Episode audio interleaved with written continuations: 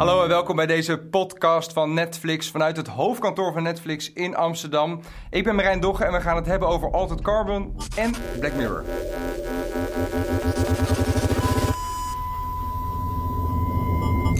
Welkom bij deze tweede Netflix-podcast. Geheel in het teken van Altered Carbon en Black Mirror. Sci-fi dus, wetenschap, kunstmatige intelligentie, dat soort dingen. Eh, ik ben Marijn Dogge, techjournalist en presentator bij Bright, het techplatform van RTL. Groot Black Mirror-fan trouwens. Eh, en meer, dan, meer in het algemeen, misschien ook wel fan van de makers van Black Mirror. Charlie Brooker volg ik al jaren. Ehm, rechts van mij zit Jim Stolzen, tech-ondernemer in AI, toch? Zeker, ja. Is het nou omdat jij tech-ondernemer bent in kunstmatige intelligentie... dat je ook alle fictie rondom kunstmatige intelligentie volgt? Oeh, nee, dat was al veel eerder. Ja, Ja? het is eigenlijk al een rode draad door mijn hele leven. En nu lijkt het wel alsof de hele wereld er ook in eh, geïnteresseerd is. Dus ik lift ook lekker mee daar. Nou, we kunnen er nu tegen praten, tegen kunstmatige intelligentie. ja, en dat je ook een normaal antwoord terugkrijgt. Ja, precies. Ja, dat is leuk. Is toch leuk, toch? Dat is Ja. toch een poging tot humor, dat zie je soms. Ja. Tegenover Jim en links van mij zit Guido Poorthuis, student toegepaste psychologie. En hij is hier omdat hij een enorme fan is van Black Mirror, Dat toch? klopt helemaal. En Ja. inmiddels ook wel gefascineerd door Altered Carbon. Je hebt in ieder geval een paar afleveringen gezien. Begint te dagen. Ja, Altered Carbon is echt de sci-fi. Vind je Black Mirror dan ook science fiction? Eh, nou ja, science fiction. Ja, het is fiction. Ja, ik vind het wel science fiction. Want het, is, het komt dicht bij de realiteit. Maar het is natuurlijk niet echt. Maar of het ooit echt wordt, dat is maar de vraag. Wat vind jij? Vind jij science fiction, Black Mirror? Altijd Carbon? Nee, ja, Altered Carbon, duidelijk lijkt me, toch? Nou, ik vind het science-based fiction. Er is wat, de- wat degelijk wetenschappelijke onderbouwing voor. Dat is de reden natuurlijk Ja. dat het ook zo aanspreekt. Dat, we, dat het, is, het is net dichtbij genoeg. Dat het een beetje uncanny wordt. Dat we er ongemakkelijk van eh, worden. Kun je eens uitleggen waar die serie eigenlijk over gaat? Wat, wat is in, in, in een notendop Altered Carbon? Your body is not who you are. You shed it like a snake sheds its skin. You transfer the human consciousness between bodies to live eternal life. Mogen we spoilers geven? Of moet ik een beetje op de Ja, weet je wel. Laten we bij de eerste afleveringen houden en hopen dat de... Nou, moet je je eens voorstellen Ja. dat jij wordt gevraagd om een moord op te lossen van iemand die nog leeft. Wa- Wat? Ja. Nou ja, zo begint het ongeveer. Want Ja. wat blijkt in die film, die speelt zich af in de toekomst, de- het jaar eh, 2348. En tegen die tijd is het mogelijk om je brein up te loaden naar een plek, naar een cloud. En die bijvoorbeeld weer down te loaden in een ander lichaam. Dat gaat om door middel van een stack. Moet je je voorstellen, een soort USB-stick eh, in je nek. Dus iedereen die een beetje geld heeft, dat hoort er dan wel bij, die kan dus kiezen in wat voor lichaam die zou willen leven. Nou, dat is dus de reden dat degene, dan de hoofdpersoon in dit verhaal, ik ga niet te veel verklappen, Nee. maar die moet dus een moord oplossen van iemand die vermoord is, maar wiens stack, dus een USB-stickje, daarna gewoon weer doorgeprikt is. Ja, in een kloon van het lichaam wat Ja. hij heeft achtergelaten Ja, bij hem wel. Hè? Ja. Toch, want hij heeft heel veel geld. Want er is een groot verschil, veel, veel ongelijkheid in die serie Dat tussen net arm en rijk. ja. Want hoe zou jij die serie omschrijven als je hem zo... Eh, wat mij heel erg opvalt van wat ik nu gezien heb, is dat eh één ding heel erg gelijk is met nu. En dat is de ongelijkheid tussen arm en rijk. Dat zie ik ook heel veel. En, eh, ja, ik ben best wel iemand die de laatste tijd heel erg naar maatschappelijke kwesties kijkt en over nadenkt. En dat eh, komt mij meteen eh, naar voren, ja. ja. Maar het verschil is dan toch wel een stuk groter dan nu, Het verschil wat denk ik zo te zien alleen maar groter, ja. Want als je als enige rijke... Zonder iets te veel... Ik mag niet te veel spoilen, toch? Zon, ja, dat je als enige rijke boven de wolken woont... en dat je wel zonlicht hebt en de rest is donker, bewijs van. Ja, vind ik een groot verschil. Ja, nou, dat is ook een heel groot verschil. Want als je doodgaat als arme sloeber, dan krijg je... En je hebt een beetje geld om zo'n nieuw lichaam, een sleeve, te kopen. Dan krijg je een sleeve, maar dat kan ook een afdankertje, ja. hang met hangtieten en alles eraan. eh, Ja. Zo'n body Ik zijn. zie het opeens voor me, ook Ja, ja, de toch? podcast. Ja. ja. Maar het, het, het grappige is, dit is wel van alle tijden. Dat is niet per se even altijd Carmen. Het zijn altijd de superrijke miljonairs die eerst een technologie gaan uitproberen. Bijvoorbeeld het digitaliseren van ons DNA. Dat was rond, eh, rond het jaar 2000, 2001. Kostte dat honderden miljoenen. Dus dat deden alleen de lui die het geld hadden. De oprichters van Google of, eh, of Jeff Bezos. En doordat zij dat hebben gedaan, werd de techniek goedkoper en goedkoper. Ik heb het zelf zes jaar geleden gedaan en mij kost het nog maar 5000. Inmiddels kost het 200 dollar. Dus je ziet, doordat de superrijken inderdaad de technologie omarmen, dat het op een gegeven ogenblik de prijs naar beneden gaat en het democratiseert. Dus ik vermoed eerlijk gezegd, als er van Altered Carbon weer een vervolg komt, dat de kosten van een sleeve zijn gedaald en dat iedereen in een sleeve kan leven die die zou willen. En dat het verschil uiteindelijk wordt opgeheven? Of hebben die rijken dan altijd nog een voorsprong? altijd een democratiserende functie. Maar aan de andere kant blijft geld altijd geld. Dan heb je altijd mensen die iets gelijker zijn dan de ander. Nou, want het gaat vaak ook om macht vasthouden natuurlijk. Hè? Want als je dan niet door kan leven, zoveel jaren lang... en je hebt eenmaal die, die plek verworven in de wereld... dat zie je ook in Altered Carbon... dan is het ook een kwestie van dat vastpakken. Ja, nou ja, het is ook logisch dat je, dat, dat je er ook eerder eh, toegang tot hebt als je wat rijker bent, toch?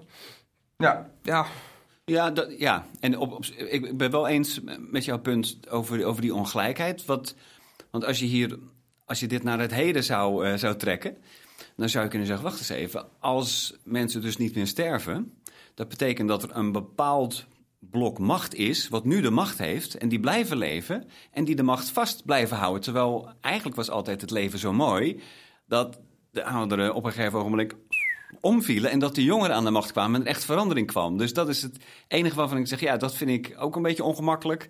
Dat waarschijnlijk de mensen die nu de macht hebben, dat die dat veel langer zullen houden dan dat ze eigenlijk zouden mogen. nu is het zo... Jij zei dus, het is eigenlijk science-based... Fiction. Ja, science-based fiction. Wat gebeurt er dan op dit moment al... wat te vergelijken is wat in Altered Carbon ook gebeurt? Ja, dat, als je nu kijkt hoe meer wij leren over het menselijk brein, en dat heeft dan te maken met de neurowetenschap, neuroscience. Tegelijkertijd leren wij ook steeds meer over zelflerende systemen. We zijn min of meer computers nu op dezelfde manier aan het opvoeden, aan het trainen heet dat zelfs. Je kan een algoritme trainen als de manier waarop neurale netwerken in ons brein aan het leren zijn. Dus er zijn heel veel parallellen. Het is ook niet voor niks dat Google een eigen Google Brain Team heeft. Die zijn letterlijk alles wat ze weten over het menselijk brein, hoe dat werkt, zijn ze aan het proberen om dat ook in silicon eh, terug, te, eh, terug te brengen of te vangen. Dus daar zie je hele grote sprongen opeens in de manier waarop systemen leren. Het is niet meer rule-based, maar leren van voorbeelden. Hetzelfde dat wij als mensen leren. eh, we zien gewoon heel veel voorbeelden. Het is niet dat als we leren praten dat we het boek grammatica erbij pakken en dan opeens een volzin uitspreken. Nee, we doen het heel vaak fout, worden gecorrigeerd en opeens snappen we het. trial and error. Ja, Ja. Dus dat zie ik wel, dat we nu steeds meer leren over wat intelligentie echt is. Dat we het dus ook kunnen digitaliseren. En anno 2018 zou je nog niet kunnen zeggen dat altijd carbon mogelijk is.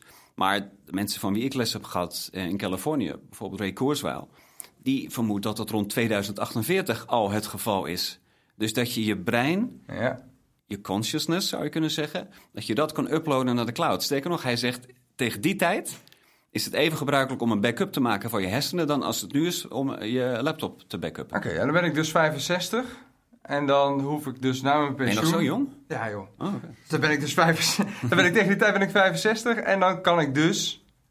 Ja, weer in een, in een jonger lichaam ook desnoods mezelf weer downloaden. Nou, die technologie die is er nog niet. Die is nog nee, niet, Ik heb het puur over het, het, het uploaden van jouw gedachten, Ja. van wat jou jou maakt. Mhm. Dus hij zegt dat er tegen die tijd eh, nanobots zijn die letterlijk alle haarvaten, alle plekjes van je, van je hersenen aftappen en dat je dat ergens kan opslaan. En wat, Dan de, de volgende stap om Ja. altijd carbon te komen is dat je het dan ook weer downloadt. Dat ligt wat eh, gecompliceerder natuurlijk. Maar tegen die tijd zal hij daar ongetwijfeld wel een theorie over hebben. Want Ray Kurzweil denkt echt dat hij tegen die tijd nog zal leven. Daar doet hij nu van alles nog wat aan. Hij noemt het de drie bruggen. Hij zegt, de eerste brug, daar zit hij nu in. Hij zegt, dan moet je goed voor jezelf zorgen. Je moet niet onder een tram komen en dat soort dingen. En hij neemt heel veel supplementen, voedingssupplementen. Hij zegt, en dan hoop ik 2025 te halen. Want dan ben ik op tijd voor de tweede brug. Tegen die tijd is de wetenschap verweven met de computerwetenschap. En zou je zien dat dingen als waar ik het net over had, je DNA gedigitaliseerd hebben, dat je daardoor gepersonaliseerde medicijnen kan krijgen. maar dat, dat betekent letterlijk dat lichamen en computers met elkaar verbonden kunnen gaan worden op dat moment. Zeker, dat alles wat wij nu met software doen, dat blijkt dat biologie eigenlijk ook software is. Jouw DNA is een informatiedrager. Dus dat zijn lettertjes, ACTG, die kan je een miljard keer uitprinten en dan krijg je Jim. Druk op F5, reshuffle, dan krijg je Marijn. Fascinerend dat de Ja. natuur eigenlijk ook een IT-systeem is. Ja, maar is dat de, de natuur naar ons toe redeneren? Naar de, naar, de, naar de orde die wij hebben geschapen? Of eh, is dat echt zo? Is het, Nou ja, het- van de natuur. Ik bedoel, dat gebeurt toch ook met vliegtuigen? Ik bedoel, dat is toch ook afgekeken van vogels, hoe de aerodynamica gaat. Dat is toch Ja. ook een soort hetzelfde patroon wat je daarin weer ziet. Nou, Ja. Ja, nou ja, het hele universum bestaat maar uit drie dingen: energie, informatie en materie. En als je die kan manipuleren, dan ben je de emperor. Maar dan ben je dus bij brug 2. Dan kan dat. Maar dan ben Ja. je er nog niet natuurlijk. Nou, in, in, in brug 2, dus zou je zien, er zijn nu al tech- technologieën. Mensen die dit willen googlen, dus CRISPR-Cas9 heet die technologie. Daarmee kan je als een soort tekstverwerker, een Word, eh, kan je knippen en plakken in je eigen DNA. Dus dan kan je een bepaald gen, wat ervoor zorgt dat jij bijvoorbeeld Alzheimer zou krijgen of een, een, of een genetisch defect, kan je dan letterlijk herprogrammeren. En door middel van nou ja, gentherapie of een andere therapie kan je je lichaam dus je immuunsysteem laten helpen om meer dan alleen een verkoudheid eh, tegen te gaan. Dat is dus brug 2.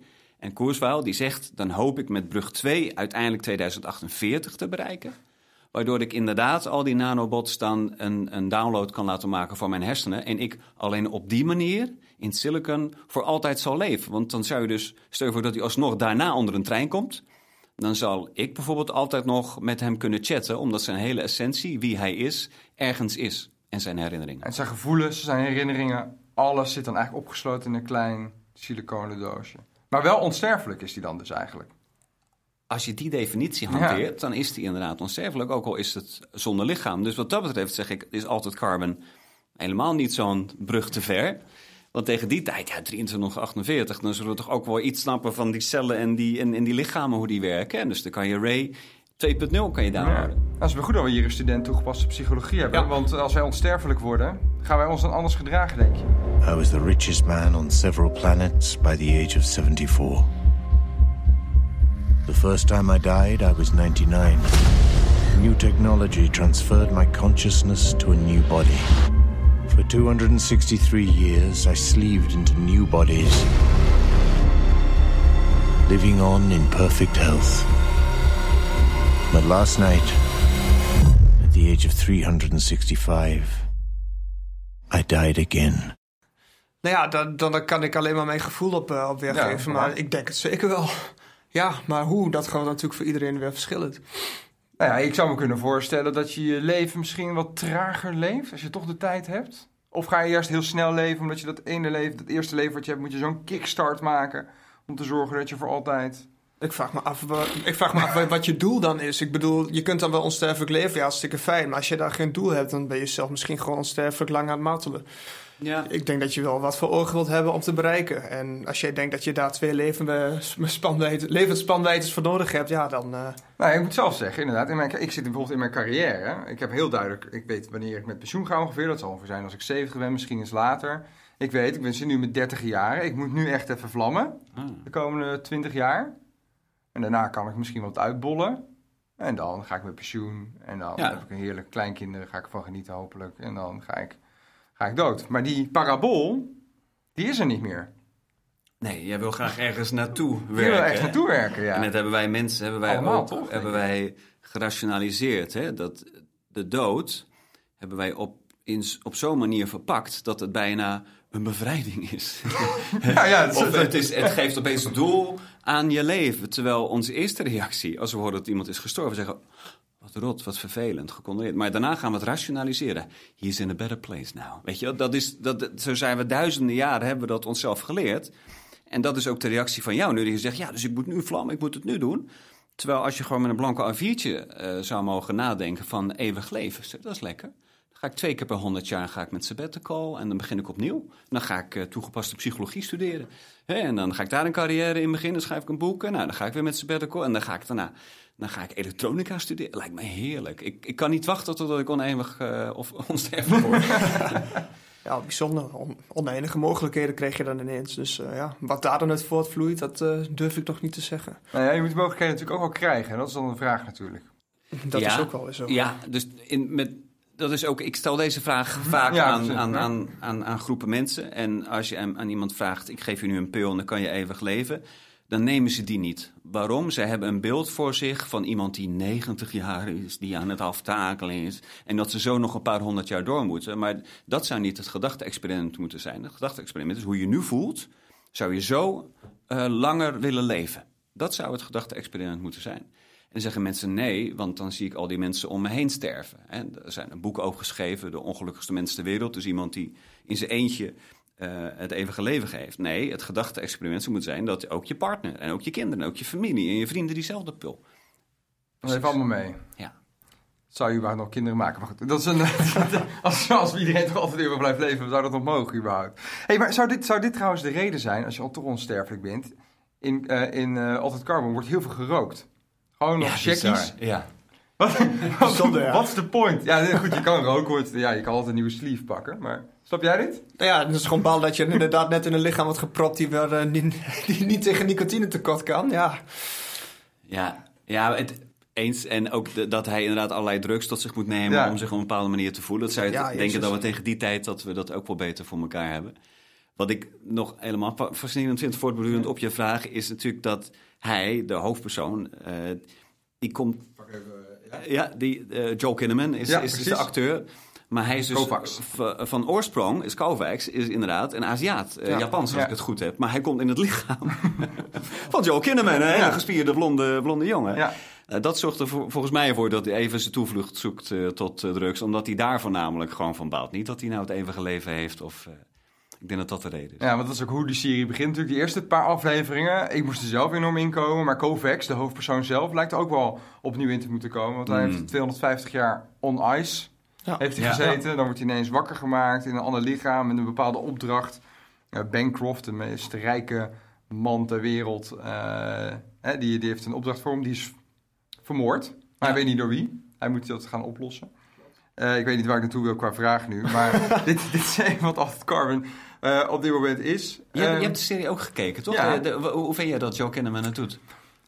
Ik vind dat hij het heel goed doet. Ik had eigenlijk eerst niet eens door, want hij is natuurlijk ook de persoon die eh, die presidentskandidaat speelt in House Will of Cards. nog iets. Ja, ja, ja. precies. I promise we will truly make this the first of many, many new days for the greatest country in the world. Good morning, America. God bless America and thank you. Ik had helemaal niet door dat hij het was. Ik zag dat mensen op Twitter het soms heel erg verwarrend vonden. Dat ze hem nog heel tijd zagen, die Oké. presidentskandidaat Ja. uit House of Cards.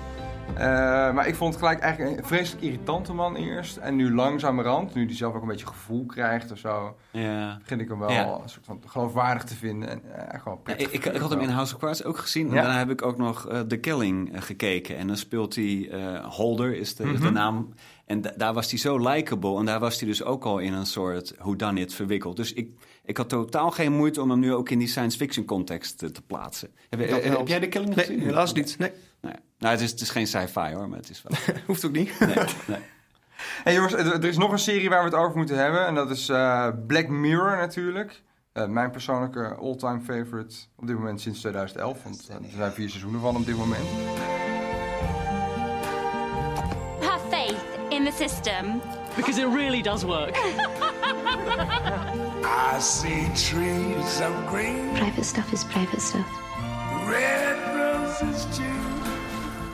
I see them bloom I mean, we just meant to me go at it? Define go at it? fucking hell. And I think to myself, What can we do? Everything happens for a reason. what a wonderful world. It's more like a waking nightmare. Everything happens for a reason. Everything happens, everything happens for a reason. Everything happens for a reason. Ehm, de serie, jij bent een superfan, Guido. Dus hoe zou jij Black Mirror omschrijven? Want dat zijn allemaal losse afleveringen, eigenlijk een soort van losse films. Ze hebben geen enkel verband met elkaar. Maar wat is dan de gemene deler? Gemene delen vind ik dat je als kijker bijna wel gedwongen wordt om eens even goed over na te denken van wat heb je nu eigenlijk gezien. Het is geen simpele wegkijkserie. Het is iets, nou, je kunt het wel zo behandelen, maar dan hou je jezelf misschien wel een beetje voor de gek. Want dat valt toch wel een schatkist aan, eh, aan, eh, aan gedachten eh, uit te halen. En ja, zo zou ik het omschrijven. Dat, dat zeker in het kader van de toekomst. Van als je ziet wat, allemaal ding, wat voor dingen er mogelijk kunnen gaan zijn. Eh, ja, wat je daar als, als consument eigenlijk, wat je daarmee gaat doen en wat je ermee kunt doen. En wat is dan zo'n aflevering waarvan jij echt zo flabbergasted achterbleef op de bank nadat die was afgelopen? Eh, de titel was volgens mij White Christmas, met de aflevering waarin je bewustzijn wordt eh, gekopieerd en in een apparaatje wordt gestapt en die gaat jouw huis eh, eventjes eh, besturen. Ja, eigenlijk waar die, eh, waar die wetenschapper waar jij het over hebt, voor wie ik zijn naam nu kwijt ben weer. eh Ray Kurzweil. waar die eigenlijk Ja. op hoopt. Dat hij ergens in Silicon ergens leeft. Maar dat is natuurlijk ook een van de rode draden in, Ja. eh, in, in, in Black Mirror. Dat er altijd, eh, of je komt terug in een soort knuffelbeer of op een andere manier. Het, eh, ze hebben wel een soort trucje gevonden inderdaad om steeds mensen zich heel ongemakkelijk eh, te, te laten voelen. Dus ik, ik ben ik ben wel eens met jou Guido. Het is, het is niet makkelijk wegkijken. Maar eigenlijk kijk, nemen we een kijkje in de donkere gedeelte van onze ziel. Daarom smullen we er volgens mij van. Ik heb, heb jij Her gezien, die film? ehm, dus meer een, een optimistisch verhaal over de toekomst, hoe we omgaan met AI. Iemand die wordt verliefd Nee. op zijn Ja. voice assistant. Ook de stem van Scarlett Johansson. Hi, I'm Samantha. What's it like to be alive in that room right now? Ik werd ook verliefd op, ja precies. Ja, maar die, die, die, film heeft het, heeft het moi gedaan, maar die is veel te rooskleurig. Wij willen gewoon doem en verderf door technologie. Daar smullen we van op de Ja, dus het laatste seizoen slaat daar ook wel een beetje in door, vind ik. Ja? Met, het, met de doem en verderf. Hmm. Op één aflevering na is het allemaal wel heel erg donker met wat we met de mogelijkheden Heb, kunnen. heb jij ze in volgorde gekeken Ja. of ben je gaan zappen ik heb ze in volgorde gezien. Ja. Ja. Maar vertel eens, wat vond je, wat vond je dan de heftigste dit seizoen? Wat, waar, waar, Het heftigste. Ehm, ja, dat denk ik. Dan kom ik denk ik wel uit op die aflevering. Ik weet even de titel niet. Maar die mevrouw die een eh, geheim probeert te verbergen. Zelfs zo erg. Crocodile is dat. Crocodile, ja. Ja. Ja, klopt. Die dus eh, zoveel moorden gaat plegen om eh, een geheim ge- bewaard te laten te, te houden. Ja. Maar ja, dat, hoe dat dan afloopt, ik mag natuurlijk ook weer niet spoilen misschien. Nou ja, misschien kan ik nu zeggen, ja, ik vind, ik vind de afloop namelijk geniaal. Toch? Heb jij, weet jij, herinner jij nog hoe het afloopt, Crocodile? Nee, moet je even helpen. Ja, er is nog een, een stille getuige in een Ja. kooitje dat meekijkt. En zelfs die gedachte, dat, Mm. nou, ik zeg het gewoon, een cavia. Als je hem nog niet hebt gezien, sorry jongens. Cavia alert. Ja, cavia alert. De, cavia. cavia die zorgt er uiteindelijk voor dat die vrouw na vier moorden volgens mij, Ja. inmiddels heeft ze dan op de geweten, Maar eh, gewoon gepakt wordt. de manier waarop ook alleen al. gewoon dat de politie komt in de kant van... "Ah, Oké, we pakken de cavia wel. Ja, we weten Ja. wat er gebeurd is. Apparaatje op zijn hoofd, Ja. apparaatje leest gedachten. Zo makkelijk. Ja, maar dan kan je hem ook omdraaien. Zou jij, als je dan je, je bewustzijn up kan loaden, zou je dan terug willen komen als cavia? Jeez. Dus een bepaalde religie die staat hier op zijn kop als ze dat horen. hè? Nou, en, en wilde cavia in de Amazone zou ik geen probleem mee hebben, denk Oké. ik. Nee, maar zo'n huisdiercavia zou ik die doen. Nee. Het is, het, gedacht, gedacht, weet, weet jij daarvan? Kan je gedachten lezen? We kunnen computers besturen al met onze gedachten, hè? Door, door Ja. golven te meten in ons Ja. hoofd. Kunnen we ook al echt gedachten lezen op dit moment? Dus er zijn eh, experimenten gedaan waarbij mensen inderdaad op hun hoofd, zo, ja, ik noem dat een badmuts van elektroden hebben. Ja. Ja. En waarbij ze naar bepaalde beelden kijken. En dat een machine learning algoritme dat aftappen van het hoofd kan vertalen in beelden die redelijk, het is toch heel grof hè, maar die redelijk lijken op wat iemand ziet. Dus je kan kijken dat hij dat die een olifant voorbij ziet lopen of een, een, een pratend hoofd of iets dergelijks. Dus dat is heel rudimentair. Het stapje van 0 naar 1 kan je nagaan als dat nog een paar keer eh, verdubbelt. Ja, Volgens mij meestal gebeurt- wel gebeurd met technologie trouwens. Hè? Meestal begint het met 0 tot 1 en dan gaat het, het exponentieel precies. groeit dat. Die Ja, dat, daarom die eerste stap, die is, eh, die, die is het moeilijkst. Wat wil jij zeggen, Guido? Ja, nou ja, volgens mij gebeurt dat nu alleen nog maar op basis van bepaalde hersendelen die actief worden wanneer ze iets zien. Dus een verwerking, dat zorgt voor eh, ja, elektrische activiteit en dat wordt gemeten. Ja. Maar hoe dat dan verder zou gaan, dat je echt een beeld kunt zien met via een apparaatje, dat vind Maar je ik kan dus niet alleen erg- zien dat dat visuele gedeelte wordt geactiveerd, maar je kan ook nog dieper kijken wat, wat diegene wat de zien. perceptie eh, laat Ja. zien. Ja. En het is dus te sturen ook hè, door jezelf. Want je gedachten die zijn natuurlijk onmogelijk onder controle te houden. Dus voordat je het weet, als dit kan, geef je Ja. informatie weg die je nooit had weg willen geven. Nou ja, er zit natuurlijk een verschillende eh, informatie die jij visueel waarneemt en informatie die jij uit je geheugen naar voren haalt. Dat, dat gebeurt natuurlijk niet in dezelfde gebieden. Dus dat is wel een belangrijk verschil. Ah, dit, ik zit opeens te denken dat als die er nog niet is, die aflevering van Black Mirror, de gedachtepolitie, die zal er natuurlijk ook komen. Nou, in Iran heb je dit... Nee, nee, goed. Ja, Ja, nee, maar ja. dat- nu is het alleen als je iets uitspreekt, als je iets publiceert, dat je ervoor wordt, wordt gepakt. Maar op een gegeven moment komt er letterlijk een gedachtepolitie. Ja, maar dat is het toch al een klein beetje. Want als jij op internet zit en je wordt gevolgd in alles wat jij doet... dus jij bent je aan het ontwikkelen tot een jihadist... Ja. dan neem je allerlei informatie tot je. Je discussieert op forums. Eigenlijk heb je al een soort van extern brein in de cloud Ja. staan... Wat, Ja. wat bekeken kan worden. Dat, Dus ja, ja als, je daar, als je er veel intelligentie op loslaat, dan, dan kan je inderdaad daar patronen in ontdekken. Het, het is wel zo dat tussen je hoofd en tussen je vingers zit natuurlijk nog wel een hele rationalisering. Daar zit nog wel een filter. Veel mensen doen zich juist anders voor op internet dan dat ze daadwerkelijk zijn. En ehm, dat, dat brengt mij dan bij die aflevering 15 Million Merits, Ja. eh, die de meesten denk ik wel hebben gezien. Dat is natuurlijk het eerste, eerste seizoen van Abby die zo graag eh, wil zingen. Ja. Eh, dat was degene waar ik het meest eh, ja, pijn, pijn van in mijn buik kreeg. Juist omdat hij zo dichtbij is. En eh, hebben we het over gehad in het vorige gesprek ook. In, in China heb je bij wijze van spreken al zo'n systeem waarbij er social credits zijn. op basis van jouw gedrag of wat je zegt in het openbaar. Of Ja. als je over het zebrapad loopt en het stoplicht staat op brood, dan heeft facial recognition, gezichtsherkenning, heeft dat geregistreerd. En dan heb je weer een merit minder. Dus die, die is zo dichtbij. Ja, dat komt in Nosedive ook weer terug. In seizoen 3 Ja. inderdaad. Met die dame die de, de waiter eh, vier sterren geeft. En dan zie je hem echt Oh ja. opgelucht van... Ja. Oh, gelukkig. Ik heb, Ja, ik heb een goede maar rating het is ook gehad. niet ver weg. Dat is nu toch al? Dat is nu al. Dat is dus in China ook inderdaad Ja. al aan de gang. Ja. Met eh, WeChat en... eh, ik ik la- la- hoorde laatst, ik geloof niet dat het zover is dat je echt een rating krijgt. Maar in India bijvoorbeeld moet je per se van die goedemorgen... eh, boodschappen naar iedereen sturen om maar eh, je, je sociale Je netwerk, ja, je karma te bouwen, je sociale netwerk in orde te houden. Van sociale druk komt Ja. erop. Maar mijn vraag is dan eigenlijk, wat is nou het doel daarvan? Wat voor Hmm. doel willen dan de makers daarvan daarmee behalen? Van die serie bedoel je? Nou, nee, nee, van dat concept. die dus app, eigenlijk ja. het patroon wat je ook ziet in Nosedive en wat er dus in China Nou, gebeurt. in China probeer Waar wil je dan terechtkomen met dat hele systeem? Nou ja, ik, snap- ik snap de Chinezen wel. Kijk, de Chinese overheid wil alles, in, wil alles onder controle houden. Dus ook als ik jou een lening geef, dan wil ik zo'n groot mogelijke zekerheid hebben dat ik dat geld terugkrijg. Dus als jij altijd netjes gedraagt, dat jij vriendelijk bent, eerlijk bent, jij nooit een negatieve rating krijgt van je, van je vrienden of van andere bedrijven die jij eh, bezoekt, dan kan ik me voorstellen dat ik eh toeschietelijker ben met het geven van een grote lening aan jou. eh, dan als jij een lage rating hebt. Ja, Hoe unfair het misschien ook is en hoe, hoe financieel goed jij die lening ook zou kunnen terugbetalen aan mij. ja. Ik ben benieuwd, wanneer kijken jullie eh, Black Mirror? Is dat eh, tussendoor of is dat voor het slapen gaan?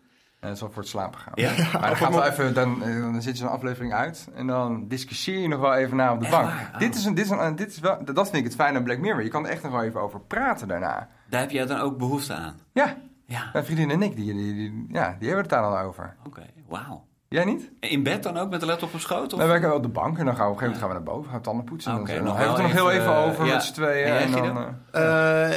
Ook inderdaad op het moment dat eh, mensen zeggen dat moet je niet doen, dat is voor het slapen gaan, dat het ongezond is voor je. Maar ik doe het stiekem toch. Ja? Er, eh, ook wel eens met vrienden. Ik heb toen de eerste aflevering eh, van het eerste seizoen volgens mij bekeken. En ik was daar best wel enthousiast over. Dus ik ga bij mijn vrienden aankloppen van... ja, dit moet je echt eens kijken. En Ja. toen pas kwam ik achter van... oh, maar wacht eens even. Dat zijn allemaal afleveringen op zich. Ja. Het is niet zo dat er een rode draad door alle afleveringen heen gaat. Nee. En nou, gaan we, gaan we kijken. Ja, hartstikke goed. En ja, ik weet niet, volgens mij heb ik in één keer depressieve mensen gecreëerd. Want, want die wisten niet wat ze overkwam. Ja, je kon er geen varken meer zien. Nee. en toch wel, dus wel weer kijken. nou, wat mooi hè, met dat varken trouwens, dat het nog een soort van uitkwam later. Maar goed. Ja, Hey, leuk. eh, er was één aflevering, eh, Jim. Eh, Ja. Het laatste seizoen. Ik weet niet of je het hebt gezien. Dat zie ik Henk- nog niet, nee. Hey, Oké, er was Henk de DJ was dat. En het ging Ja. over een dating app. Ja. Always find your perfect match. It really does work. Another relationship. Coach, is this a mistake? Everything happens for a reason. Jongeren die zijn dus op zoek naar een date. En die komen in een soort van park terecht. Eh, met allemaal huisjes. En op een gegeven moment hebben ze dan een afspraakje. En op die relatie die je dan aangaat, want je gaat een relatie aan, dat moet van het algoritme. Ja. Er zit een soort van tijdslimiet. Dus eh, met de ene relatie duurt twee dagen, de andere duurt vier uur, dat is een fling. De andere duurt zes weken, er is er zelfs eentje van een paar jaar ertussen. Ja, klopt, mij, ja. Die je door moet om uiteindelijk dan je ware liefde te vinden. Wat, wat vond je van die aflevering? Ik vond het een waanzinnig gave aflevering. Want eh, ja, er zit eigenlijk een goede plot twist in. En daar ben ik sowieso fan van, los van een, een verhaal überhaupt. Maar eh, ja, ja, je ziet gewoon, je bent echt aan het kijken en denkt van, waar zijn ze in godsnaam mee bezig? Waarom laat je je zo gigantisch afhangen van zo'n systeem? Als jij je niet prettig voelt bij een relatie die jij drie jaar moet volhouden, waar ben je in godsnaam mee bezig, man? ja, dat is waar ik, eh, wat ik afvroeg. Maar ja, op een gegeven moment komt het puntje bij het paaltje en dan eh, denk je van, hé, hey, maar kijk, dat gebeurt er dus allemaal in zo'n apparaatje. Ja, maar dat is dus waarom ik denk, Jim, dat jij dat dus echt een hele vette aflevering Ja. vindt. Eigenlijk wordt in die aflevering wordt visueel gemaakt wat een algoritme Ja. doet van een dating Ja, app. ja. Oké. Ja. Ja. Want de clue van het verhaal, nou, die ga ik, ga ik die weer verklappen Nee, gewoon? nee, nee, niet nee hè? Nee, Nou want ja, jij nou, gaat hem dus ik- nog ik- kijken. ik Je moet horen kijken. maar de luisteraars niet. Nee, de luisteraars niet. Nee, maar de clue van het verhaal Gaan is... kijken. Tony ja. Ja, dat het eigenlijk allemaal... Nou ja, wat moet ik nou zeggen, Guido? Wat kan ik er nou van maken? Om het toch nog spannend te maken. Ja, die mensen laten zich dwingen. Maar Ja. het is- eigenlijk gebeurt het allemaal in een split second. Mm, Spannend, hè? zeker. Ja. Ja. Vooral op de manier hoe dat opgebouwd wordt. Dat is wel echt heel gaaf gedaan. heerlijk. Ja. Ja. Heel tof. Ja. Jij vertelde dat jij fan was van de makers. Ja, van Black Mirror. Ja, Ja, wat- wat- Vooral Charlie Brooker. Dat is een journalist? Dat is een journalist oorspronkelijk. En die heeft, eh, nou, die heeft, die heeft voor Channel 4, dat is een, eh, Amerika of een, eh, een Brits commercieel, eh, commercieel televisiestation, heeft hij een soort van de leugen regeerd gemaakt. En terwijl wij hier in Nederland heel, gerug, heel gewichtig zaten te doen over journalistiek en het iedere week even zaten na te be- bespreken, deed hij een heel grappige samenvatting van wat journalisten die week in Engeland weer hadden geproduceerd. Hello, I'm Charlie Brooker, and you're watching Newswipe, a program all about things that have been happening. Things like this. Islam will dominate the world, screams piece of paper held aloft behind small, recently banned group in the snow. Woman watches in nodding amazement as televangelist performs Miracle of the Talking Anus while discussing cause of Haiti disaster. They got together and swore a pact to the devil. They said, We will serve you if you'll get us free from the French. But we start, as these things so often do, in a small, darkened room. Hij maakte dat heel leuk, een beetje op Arjan Lubach-achtige manier, maar dan met lekkere Britse humor. Ja. Ja, die man die volg ik sindsdien eigenlijk al, eh, al jaren. En nu is die, toen is hij met Black Mirror begonnen. En, eh, En hij ja. is het brein van al die verschillende Ja, afleveringen. hij doet dat samen met, met, hij heeft met zijn vrouw heeft hij een aflevering geschreven, maar hij heeft ook Annabelle Jones, is een producer. Daarmee, zei- hij zei tegen me, ik sprak hem eh, in november, eh, naar aanleiding van het nieuwe seizoen wat er kwam. En eh, ze zitten gewoon rond de keukentafel en dan zeggen ze, het zou toch niet dat? Mm. En dan komt er eigenlijk een Black Mirror aflevering uit. Dus ze lezen iets in de krant, er is iets gebeurd. En dan gaan ze, pakken ze één dingetje uit, dan vergroten ze dat enorm. Proberen ze het zo dystopisch te maken als mogelijk.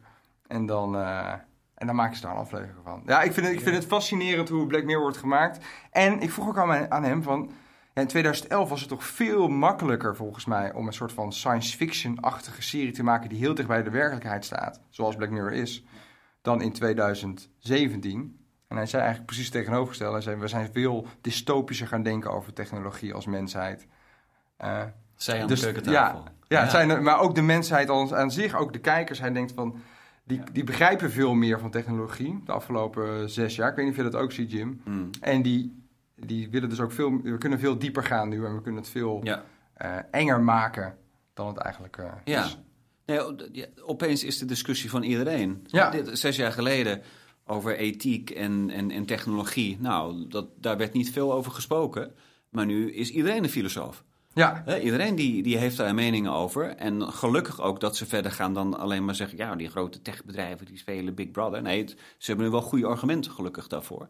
En ik denk dat eh, series als Black Mirror... en maar ook altijd Carbon dan iets verder weg... maar met name Black Mirror helpt ons... sowieso is dat de rol van de kunst... om ons te helpen om een voorstelling te maken... van wat nog onvoorstelbaar was. Anders dan ben je alleen maar in, de, in, in het luchtledige aan het, eh, aan het praten. Maar door die serie heb ik betere gesprekken met mensen over in ieder geval een toekomst die we niet willen laten gebeuren. Dus ja, mijn werk en mijn, eh, waarvoor ik doe wat ik doe, is dan ook, oké, maar hoe kunnen we dan een toekomst maken die wel is wat jij wil zien gebeuren? Ja, want ben je zo dystopisch als Black Mirror of ben je heel nee, optimistisch een enorme techno-optimist. Ja, ja, dus ik, ik zit, sommige afleveringen zit ik wel een, bond, eh, een bord zand leeg te eten, heet dat dan. Ehm, maar het helpt mij wel, omdat ik dan, ja, misschien tegenovergesteld dan van de makers, dat ik dan denk, oké, dit wetende, hoe kunnen we dat dan wel op een positieve manier maken? Kijk mij aan. Ja, kijk, want jij, hebt het, jij vertelde mij net vooraf van, dat, je, to- dat het op school ook werd gebruikt. Op scholen. Ehm, ik Als heb, lesmateriaal. dat heb ik gehoord, dat was ik zelf niet. Maar eh, dat zouden ze wel moeten doen, denk ik. Eh, als ik echt kijk naar basisscholen, eh, op dit moment zijn ze vanuit de regering, is al een heel plan opgesteld, moet uitgevoerd gaan worden, wordt slash wordt uitgevoerd, om dus ook kinderen daadwerkelijk eh, stemvaardigheden aan te leren. Science, technology, engineering en mathematics. En ik hoor nu, want ik begin nu echt net aan mijn opleiding, dus ik sta er echt niet middenin. Ik heb er, kan er nog niet echt aan ruiken. Maar ik hoor van heel veel mensen, die, eh, eh, studenten die uh, hogerjaars zijn, die zeggen van wij zijn daarmee bezig geweest en wij merken dat er heel veel weerstand is tegen, eh, tegen technologie en het lesgeven daarvan eh, aan kinderen. Ik bedoel, je hebt nu sowieso al het feit dat eh, op de basisonderwijs eh, niet echt goed in het nieuws staat. Hè? Dat de leraren ontevreden zijn, hoge werkdruk. Nou ja, dan komt dat er dus ook nog weer even bij. Ze moeten gaan- in één keer gaan leren programmeren. Nou, woepie, daar zitten ze niet op te wachten natuurlijk. Maar ja, Black Mirror zou dan misschien Zou wel moeten. dat het wel nodig is eigenlijk. Toch? ja, ja. Ja. Ja, ik bedoel, de kinderen die vinden het toch fantastisch om over dat soort dingen na te denken. En als je het dan ook nog zo concreet weer te visualiseren in een serie, dan heb je echt wel, eh, goed gesprekstof. En moet je- ik denk dat heel veel mensen zullen verbaasd zullen zijn hoe goed eh, kinderen op basisschoolleeftijd daarover kunnen nadenken. Ja, dat heb ik ook zelf meegemaakt. Dus eh, ja. En dan met de lessen van Jim, dat hij zand eet als hij het kijkt, maar het uiteindelijk probeert om te buigen in iets positiefs. Ja, dat zou Dus wel een Black leuke Mirror les zijn. eigenlijk- Kijk, kijk, nu is eh, Black Mirror is, is natuurlijk niet geschikt voor, eh voor basisschoolkinderen of... nou, ik weet niet, ik heb twee zoons. Ja, het 11 is natuurlijk heel 14. heftig. Ja. Sommige afleveringen denk ik wel, ja, het zou toch wel goed zijn als ze dat zien. Ik bedoel, zij hebben ook de terreur van de telefoon, weet je wel. Die groepsdruk, die is zo zwaar. Als je inderdaad niet reageert op een appje of op een andere manier. Ik, ik ben soms blij als die telefoon eens een keertje in een hoekje ligt en ze iets anders aan het doen zijn. Kan nagaan, hè? dat je blij bent met de uitzondering. Ga Ja. jij ook allemaal nog krijgen. maar dat, dat- ik zou dus wel eens met hen een aflevering willen kijken van Black Mirror. Maar het is natuurlijk wachten op het moment dat eh, Goede Tijden of Spangas of Brugglas... die gaan deze thematiek ook steeds meer ehm, behandelen. Dat denk ik en wel, dan, ja. dan komt het wel weer bij de juiste, juiste mensen terug. Oké. Ja. Dank jullie wel, jongens, voor Hmm. deze podcast. Het meepraten over nieuwe lichamen, onsterfelijkheid, privacy issues hebben we ook nog gehad natuurlijk. Gedachten die je kan controleren en. Bedankt voor het luisteren. Leuk dat je luisterde naar deze podcast. Hij zit er weer op, maar stay tuned, want er komt alweer een nieuwe aan. Ondertussen kan je ook abonneren op deze podcast, zodat je niets mist. Tot de volgende.